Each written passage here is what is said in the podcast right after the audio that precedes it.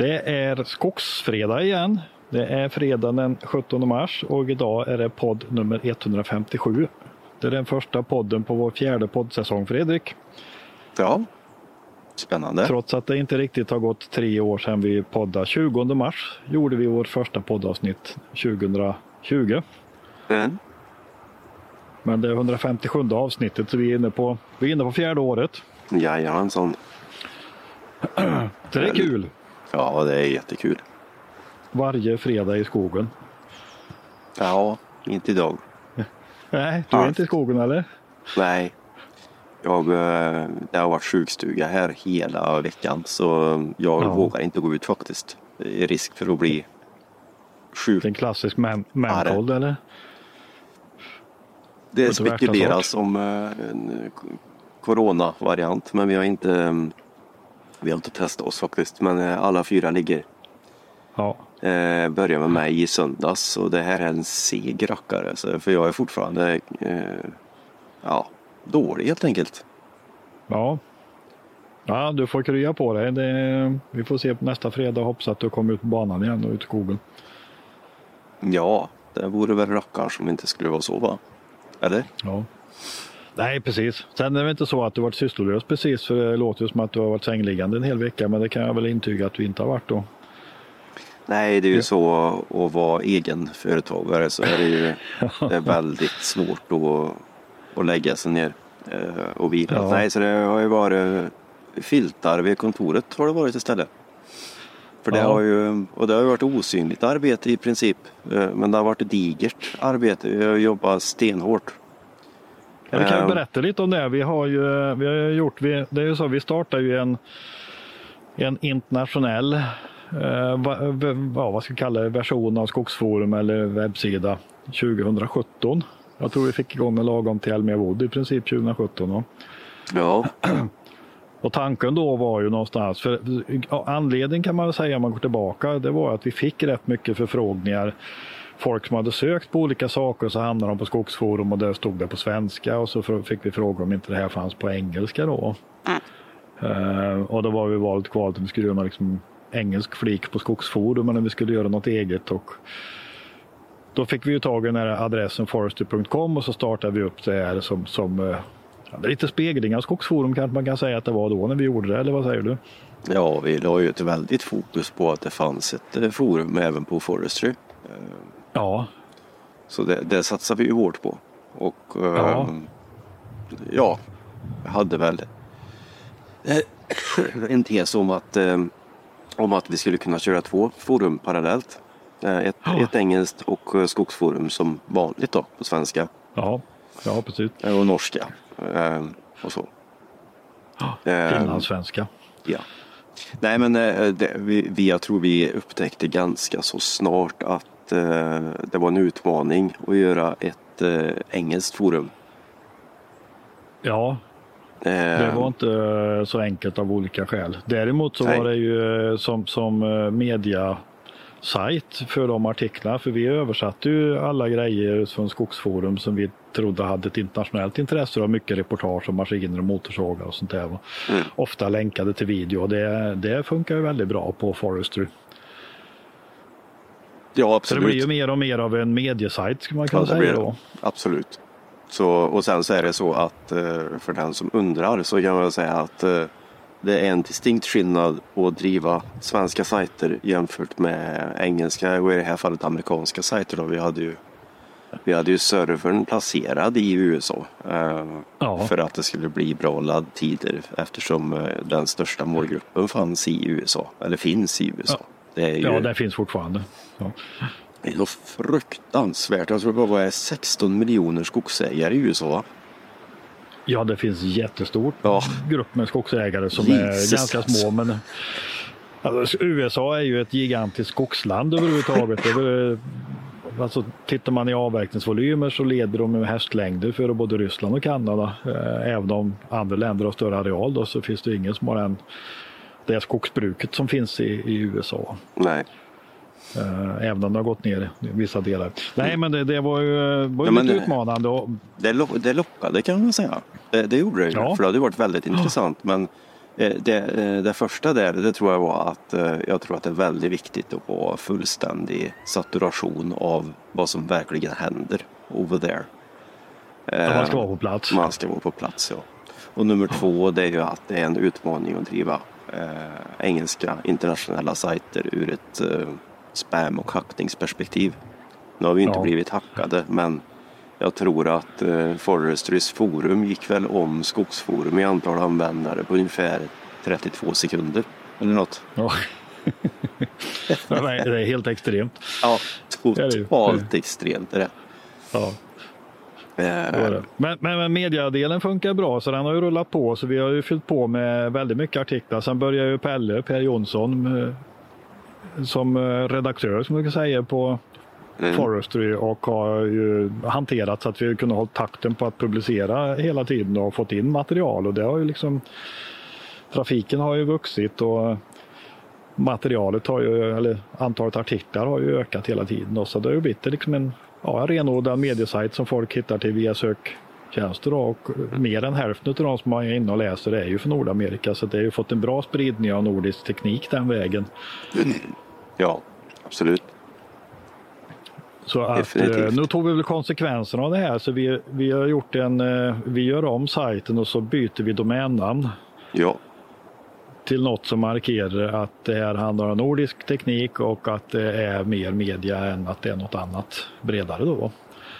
Så att från och med nu i princip så heter den nordicwoodjournal.com istället för forestry. Lite krångligare men lite mer specifikt. Mm. Ja, absolut. Det blir ja, lite krångligare är det nog. Men eh, det blir mer renodlat och nu är ju även forumet och sånt borta då. Från, Ja. Det finns ju inte på Nordic Wood utan det är en ren eh, artikelsajt om man säger så. Ja, och, Och den sen har så- fått ett annat utseende för att få li- lite överskådligare. Man får mer överblick över mer, innehåll, mer av innehållet och sådär. Vad som en mediesajt kanske ser ut idag. Ja. Och uh, forestry.com det är ju faktiskt en amerikan som har, vad ska man säga, köpt tillbaka. Vi har ju domänen av en amerikan och nu var det en annan Ja. amerikan som var intresserad så eh, det känns väl lite kul att se vad som Ja, händer det med ska bli intressant att se vad, Ja. om det finns liksom möjlighet att bygga upp någonting kring det i, Nordamerika. Och det var väl nere i östra, syd, eller sydöstra USA någonstans. Va? Det varit Det var Texas bättre koll va? på det. tror jag. Ja, det kanske var till och med Jag södern. Ja. Jag tror det var det, men eh, det ska låta vara osagt. Men det ska bli intressant att- se vad, naturligtvis vad det blir av det. Eh, Ja. det, det ska det göra. Men Det det göra. Eh, vi fick ju tumskruvar på oss nu när vi, när vi gjorde slag i saken. Så det är därför som det har varit eh, ja, jag har ju varit eh, totalt frånkopplad från allt annat. Utan jag har bara jobbat med och, och um, flyttat över våra artiklar som vi hade på Forestry. Byggt den Ja. nya sajten och gjort i ordning det. Och det är ju klart nu. Så, eh, Ja. Eller ja, det finns små saker och, och fortfarande att Ja, pyssla ja, med. men nu är det uppe och rullar. Så går ni in på nordicwoodjournal.com så eh, hittar ni det. ja, Vi kommer dit den vägen kom- via forester.com ett par dagar till också. Men, Kommer man inte ihåg namnet så är det bara att gå in på forestry.com så eh, kommer man dit.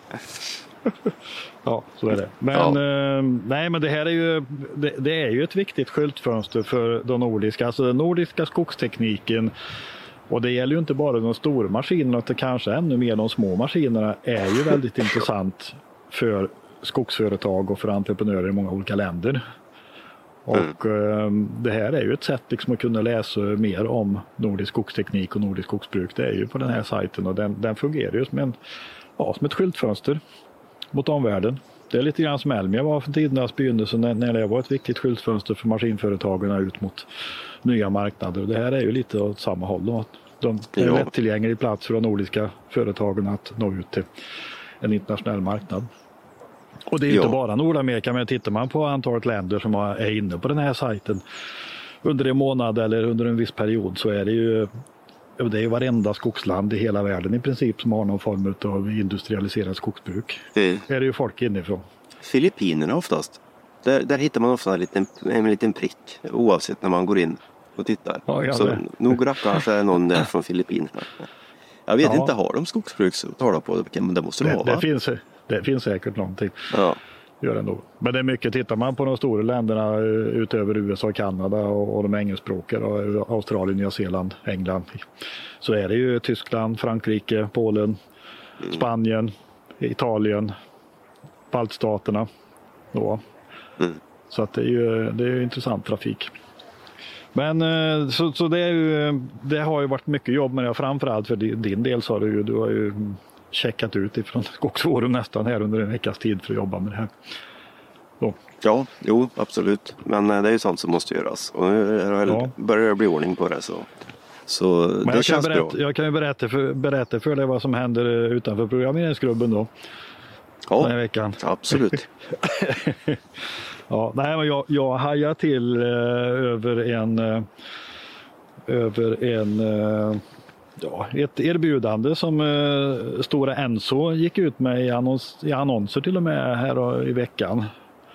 Och eh, de eh, lanserar något de kallar för Stora Enso Harvesting Partner. Mm. Ja, Det lät ju lite intressant. Först tänkte jag att de söker en entreprenör då, men det här var ju något annat. De är ju på jakt efter någon som vill bli livegen. De vill inte ha en fristående entreprenör. Utan de har lagt upp ett koncept som innebär att eh, man kan göra ett avtal med dem när man får köra i fyra år. Stora Enso förser dig med maskiner som du får hyra, låna eller ja, jag vet inte exakt hur uppgörelsen ser ut men de är troligtvis inte gratis. Stora Enso hjälper dig att sköta din bokföring. Eh, och ett helt paket inom citationstecken med andra tjänster, HR-tjänster och utbildning och bokföring och hela konkarongen. Ja. Och det här, det här är ju, Har du numret? Li- Jag blir lite sugen. ja jag förstår det, du längtar tillbaka till maskinen. Så ja, jag kan skicka länken sen. Nej men, eh, jag vet inte vad du säger men alltså vi har ju problem redan idag att entreprenörerna är ganska livegna och, beroende, hårt beroende av sina uppdragsgivare. Det är svårt att hålla liksom en strikt affärsmässig relation. Man har så, det haltar så mycket i- emellan. Då. Och det har ju entreprenörsorganisationerna jobbat mycket med och, och ibland känner man att det går lite bättre, att det blir lite mer åt rätt håll och ibland så är det ett steg tillbaka. Då. Mm. Och tyvärr så är det väl så, enligt mitt tycke i alla fall. Eh, Jag, jag har ju sagt någon gång, tror jag i podden också, om just det här att jag, jag tycker Stora Enso sticker ut på ett positivt sätt om man tittar på produktutveckling och hur man liksom kommunicerar. Man är liksom inte med i de värsta klagokörerna. Man, man, man håller sig utanför det lite grann och man jobbar ganska hårt på träförädling och på, på produktutveckling och så vidare. Där, där sticker man ut på ett positivt sätt. Va? Mm. Men på den andra sidan, på uh, virkesförsörjningssidan, där är det liksom, ja, på något sätt så tar man ju liksom täten i fulligan där istället. Då. Och vi har ju Ja. tagit upp i podden det här att man tar in eh, entreprenörer med rumänska maskinförare. Mm.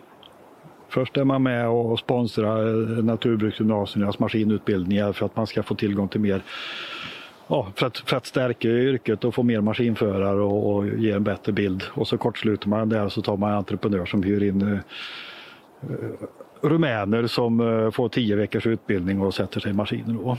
Mm.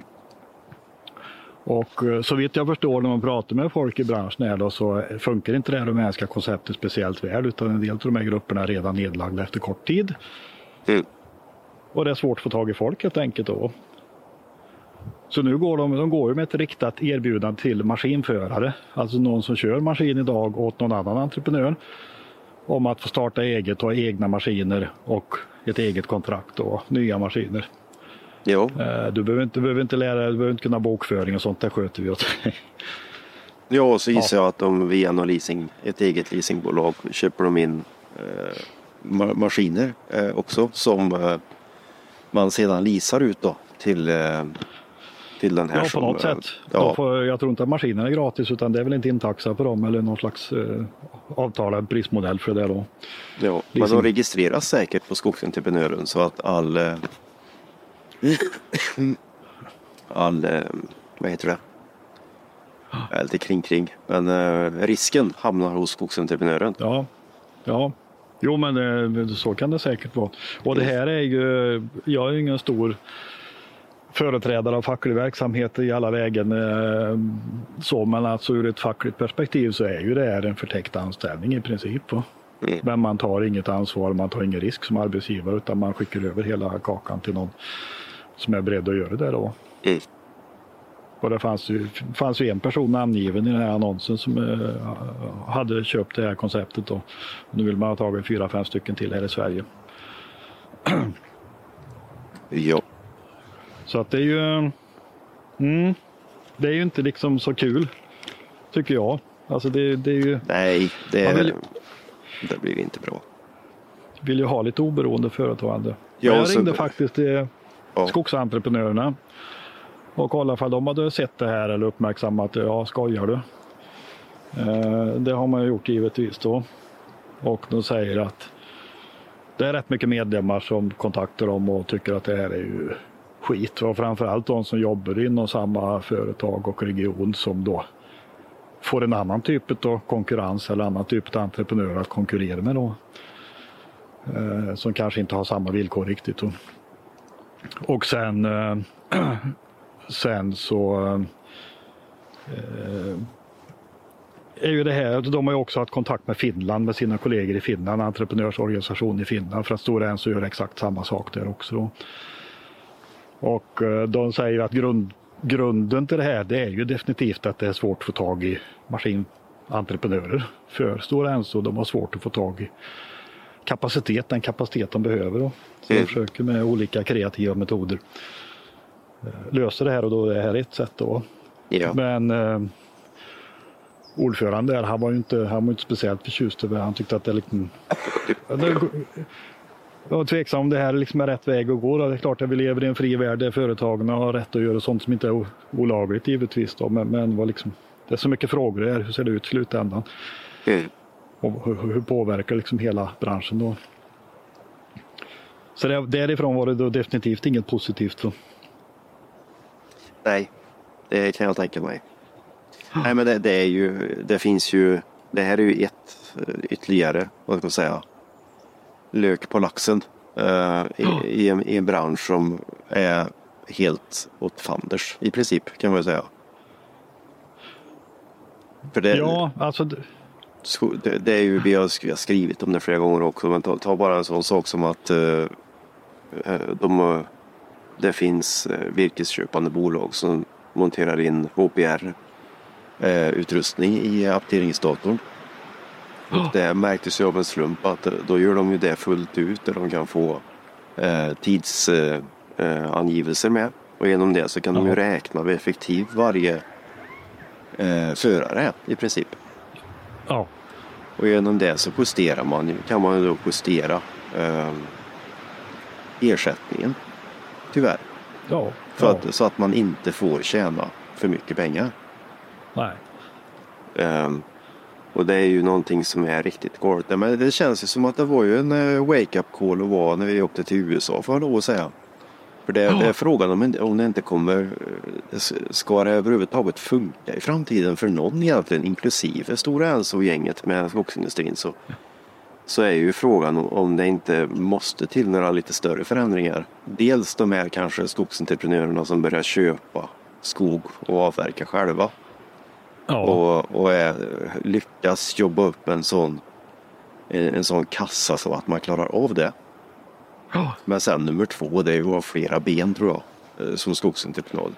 Det, det är väl lite Ja. så att vi tittar på, tittar på skogsindustrierna själva, liksom att eh, de, de har sina grund, vad ska jag säga, baslinor i pappersmassa kanske främst då, men även kanske sågade trävaror. Men sen har du ytterligare, du har gjort, de gör en stor affär på pellets, på el, på vindkraft, på vattenkraft, på egen skog och sånt där. Och det är sånt som jag tror skogsentreprenörerna också får börja titta Ja. lite på. Det kanske handlar om att bygga skogsbilvägar. Det kanske handlar om att eh, schakta eh, upp ett nytt eh, område för någon verkstad eller någonting sånt.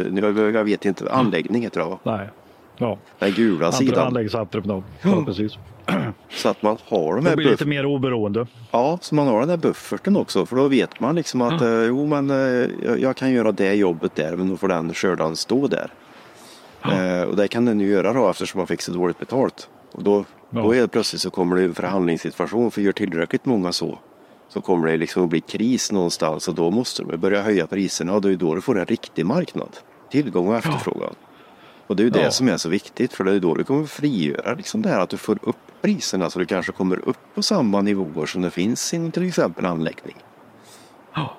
För det ska ju vara en dräglig de- vardag för, eh, för ja, de som arbetar i skogen. Men här jobbar man ju man jobbar lite grann på samma sätt. Som, tittar du på skogsindustriverksamheten i Sverige så, är, så har den väldigt mycket gått ut på att göra effektiviseringar i produktionsledet. Allt ifrån skogen till fabriken och, och det, så måste man jobba givetvis. Det, det hade ju inte funkat annars, men det är extremt liksom om man pressar och pressar och pressar. Och, och någonstans så kommer man kanske till vägs ände hur mycket man kan pressa entreprenörsledet och det är ju det man känner av nu att det är svårt att få folk. Och vad gör man? Jo, då gör man ju precis som på virkessidan.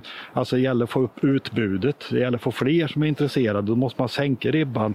Kan man erbjuda en, en eh, maskinförare som tycker det skulle vara skithäftigt att få sitta i en ny slutavverkningsskördare med, med lov, löften om att få bli egenföretagare och nej, men vi tar hand om bokföringen. Du behöver inte där, kör du maskin och, och kubikmeter så, så tar vi resten. Eh, Så får man ju säkert upp lite fler intressenter som kan tänka sig att köra maskin då kanske. Va? Eh, Men, men eh, är det rätt väg att gå? Det är ju Nej. väldigt tveksamt om du frågar mig. Ja, nej, det är det definitivt inte. Eh, Nej, men du får ju, marknaden funkar ju inte. Det blir någon form av planekonomi. Ja. Det, det, blir, det blir liksom hel, helfel. Ja, nej, men vi får följa det här och se hur det går. Men eh, det verkar som att det är eh, det här liksom skottet att eh, testskottet att få kö- maskinföra från Rumänien till Sverige och köra, köra skördar efter tio veckors utbildning eller skotare. Vad det nu är för någonting då att det, det funkar inte så bra. Och, det är ju så tyvärr idag att i många av de här länderna runt i baltstaterna, Polen, kanske snart Rumänien också, så du kan ju faktiskt troligtvis tjäna bättre pengar och jobba i skogen där än du gör det i Sverige hos bolagen här. Då. Så, så sorgligt är det. Ja, Eh, Som det sett ut nu på senaste tid i alla fall. ja och det här Det verkar inte stärka det här. Eller eh, hur man ska säga det då. Det verkar inte göra det bättre. Om man ska vara ärlig. Nej, men det bygger ingen status i verksamheten. Det bygger inga starka företag utan man, liksom, man eh, hackar och mal lite som det passar. Va? Ja, att, eh, nej. Eh, Nej, det, tänk blir- det, om. ett, ett, Tänk modernt. Jag har någon form av systemfel blir det. ja. Det blir ju... eh, nej, det blir galet. Jag, jag är väldigt intresserad av om du skulle vilja ha en fruga på väggen om, om du nu om du, om du tar in en, en förare som är extremt duktig på det här. Och eh, han, han går in på det här stora hälsosystemet och så skulle det visa sig att han är så otroligt, eller hon ska jag säga. Eh, så man får en vinstmarginal, räknar Stora Enso ut då innan han själv Ja. får reda eller hon får reda på det. Så på kanske 23 procent. Ja. Vad händer då? Ja. Släpper de det liksom? För jag menar, det, det är ju en del av deras vinst ser de det som. Ja. Ja, ja, men du kan ju ha eh, idag med kassakistorna som är efter, efter senaste åren här så kan ju det vara en del det kan ju vara en del att få pengarna att jobba. Man köper skogsmaskiner och hyr ut till livegna pseudoentreprenörer och, och tjäna eh, räntepengar på det också. Det skulle inte förvåna mig om det finns någon som har räknat på det också. Inget är omöjligt i den här världen tyvärr. Nej, så det att, är, eh, är nog lite så. Nej, jag tror vi får, Ja. vi får nog börja. Eh, jag säger inte att vi ska göra det rakt av, men eh, titta lite mer på um, USA, hur det ser ut. Ja. Jag har ju, jag har ju spenderat eh, när jag inte suttit framför datorn när jag varit sjuk så har jag så legat i soffan och vilat och jag har hamnat framför en eh, serie på Netflix som jag tror är väldigt gammal men som ändå jag inte sett den tidigare. Den heter Big Timber tror jag. Det låter Eh, intressant. Ja, det var, handlar om ett familjeföretag i, på Vancouver Island. Eh, I BC, British Columbia. Ja. Ja, ja. Och ja, jag ska säga någonting om det så kan jag börja med att säga att eh, börjar man titta på serien så förstår man lite varför vi kanske inte hade någon lycka med Forestry Forum. Vi, vi använde fel, fel um, ord. Och, våra europeiska engelska termin Ja. terminologi för nordiskt skogsbruk funkar inte i British Columbia. Nej, jag vet att jag har gjort bort mig själv. Jag, vet att jag har skrivit någonting om chains och protective eh, clothing eller någonting sånt där. Eh, och det är väl taget säkert från kanske stil som har gjort någonting eller någonting sånt där. Så har man liksom trott att det är ju det. Men eh, säg det till en eh, huggare i, på Vancouver Island och det blir nog ett frågetecken tillbaka.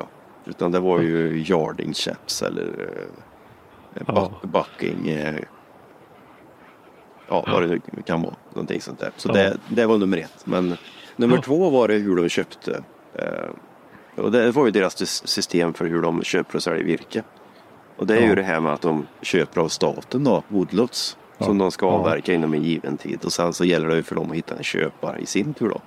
Så det verkar Ja. ju som att själva köparen inte köper i alla fall inte långt ifrån alla woodlots. Utan eh, det finns ju ett system där skogsentreprenören då avverkar och sen eh, ska, eh, ska vara så pass driven och hitta de bästa slutkunderna för just det virket som fanns på den woodlotten. Och just när det, Ja, när det gäller eh, British Columbia då, så handlar det om Red Cedar som kanske var det viktigaste men var det även Hemlock och eh, andra typer av. av, av virke. Så beroende på vilken woodlot, vad som fanns på woodlotten så gällde det ju att, att förädla det, eller kanske inte förädla det men hitta de bästa köparna för just de produkterna. Ja. Och det där är jag lite intresserad av. Eh, Ja. För det, eh, man kan säga väldigt mycket om USA. Eh, jag har väldigt mycket negativt att säga om USA. Det, det ska jag vara den första att säga. Men när det kommer till öppna marknader så är de i mitt tycke ganska så bra. Ja, ja, de är duktiga på att bekämpa konkurrenshämningar och de, de, är- när det gäller affärsmässighet så har man ju en del att lära. Ja, det, det har man faktiskt. Ja.